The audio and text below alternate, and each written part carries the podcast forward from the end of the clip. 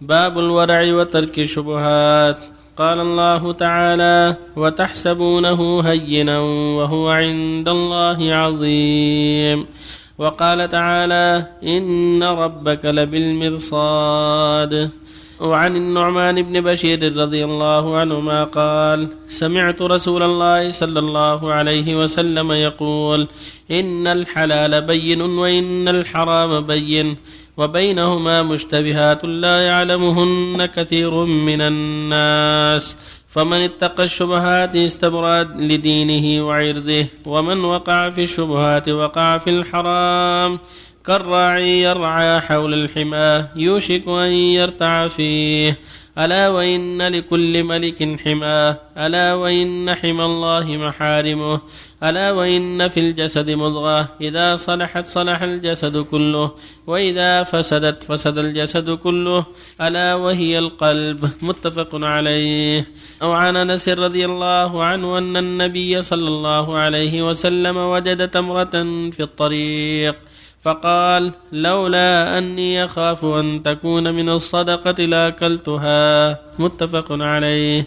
وعن النواس بن سمعان رضي الله عنه عن النبي صلى الله عليه وسلم قال البر حسن الخلق والإثم ما حاك في نفسك وكرهت أن يطلع عليه الناس. رواه مسلم. بسم الله الرحمن الرحيم. الحمد لله وصلى الله وسلم على رسول الله. وعلى آله وأصحابه ومن اهتدى بهن. أما بعد هذه الأحاديث الثلاثة والآيتين والآيتان الكريمتان فيما يتعلق بالورع والبعد من الشبهات.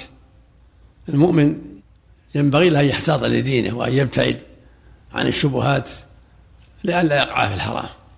يقول جل وعلا في قصة عائشة وتحسبونه هينا وهو عند الله عظيم. الخوض في أعراض الناس قد يظنه بعض الناس هينا فيغتاب الناس ويبهتهم ويقذفهم وهو عند الله عظيم نسأل الله العافية. ويقول عز وجل إن ربك لبالمرصاد لا يخفى عليه خافية. فجميع أعمال الناس وأقوالهم كلها لا تخفى عليه جل وعلا. فالواجب عليك يا عبد الله أن تحذر أن تحذر ربك وأن تحذر نقمته وبطشه كما قال تعالى ويحذركم الله نفسه. قال تعالى واعلموا أن الله يعلم ما في أنفسهم فاحذروه. وقال في حديث النعمان بن بشير يقول صلى الله عليه وسلم إن الحلال بين والحرام بين وبينهما مشتبهات. يعني أمور قولية وفعلية تشتبه على الإنسان. قد يخفى عليه دليلها وحكمها.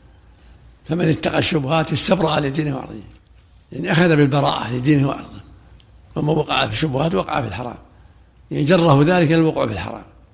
كالراعي يرى حول الحمى يشك أن يقع فيه يتساهل شيء فشيء هذه سهلة هذه سهلة هذه سهلة ثم يقع في الحرام كالراعي الذي يرعى إبله أو غنمه أو بقرة حول مزارع الناس يوشك أن يغفل أو ينعس أو يشغل ترتع في زروع الناس وأموال الناس.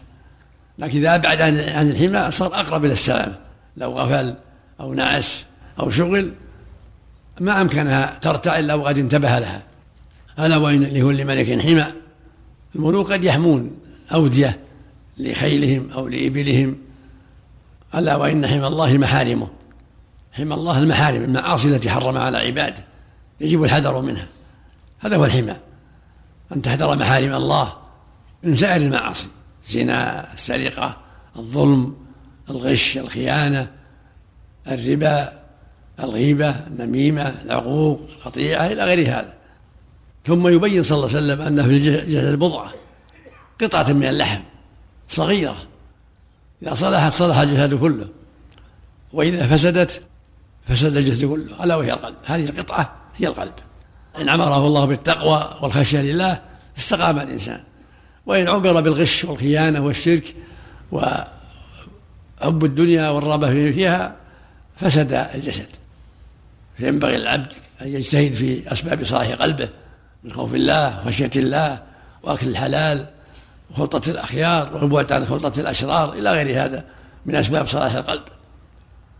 وقد مر صلى الله عليه وسلم على تمرة في الطريق فقال لولا أن تكون صدقة لأكلتها. هذا فيه ورع صلى الله عليه وسلم خاف أن تكون من الزكاة المحرمة عليه.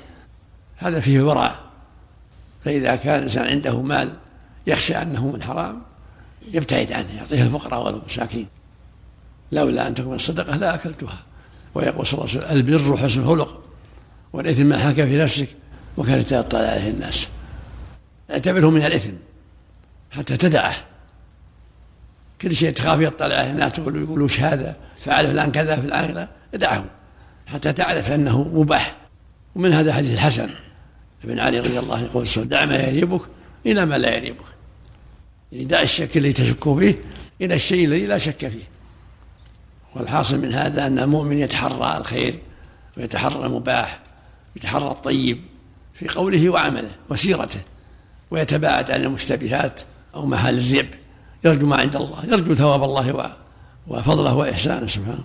وفق الله الجميع الشخص من أهل البيت يسمح له أن يسأل أشياء قد يشتبه له إذا ما تيسر له شيء يسأل لكن لا يعطى من الزكاة يعطى من غير الزكاة. إذا كان حسن الخلق من البر سوء الخلق ماذا يكون؟ من الإثم. سوء الخلق من الإثم من الشر. نسأل الله. بارك الله فيكم إذا كان المال فيه شبهة. نعم. إذا كان المال فيه شبهة يوزع المساكين والفقراء. يعرفهم بأن لا لا لا بس يعطيهم إياه بس. ولا يقول لهم شيء. تو حديث أن الله أن الله طيب لا يقبل إلا طيب. لا لا ما في بأس لأن هذا مصرف للفقراء مصرف. هم مصرف للمشتبهات. بارك الله فيك. صلى الله عليك شيخ. إذا كان يشغل عامل عنده في محل عنده عامل في محل يشغله ويقول لك بالنسبة المربح إذا ربح مثلا 5% أو 10% لك آه، الراتب بالنسبة يعني. هو اللي يبيع ويشتري نعم مثلا لو المربح 1000 ريال له بالألف 100 ريال بالنسبة يعني. إذا كان عامل عنده بجزء بشاء حط عنده ساعة يبيعها بالنصف الربح أو بثلث الربح ما في بأس. ما في شيء. لا الشيء لا. ما يخالف يعني معروف مو مو مجهول صلى الله عليكم يا شيخ بعد ما يدفن الميت يا شيخ هل في وقت محدد يا شيخ الصلاة عليه في المقبرة؟ أو إلى شهر؟ إلى شهر. واحد. نعم هذا هذا أكثر أكثر ما ورد.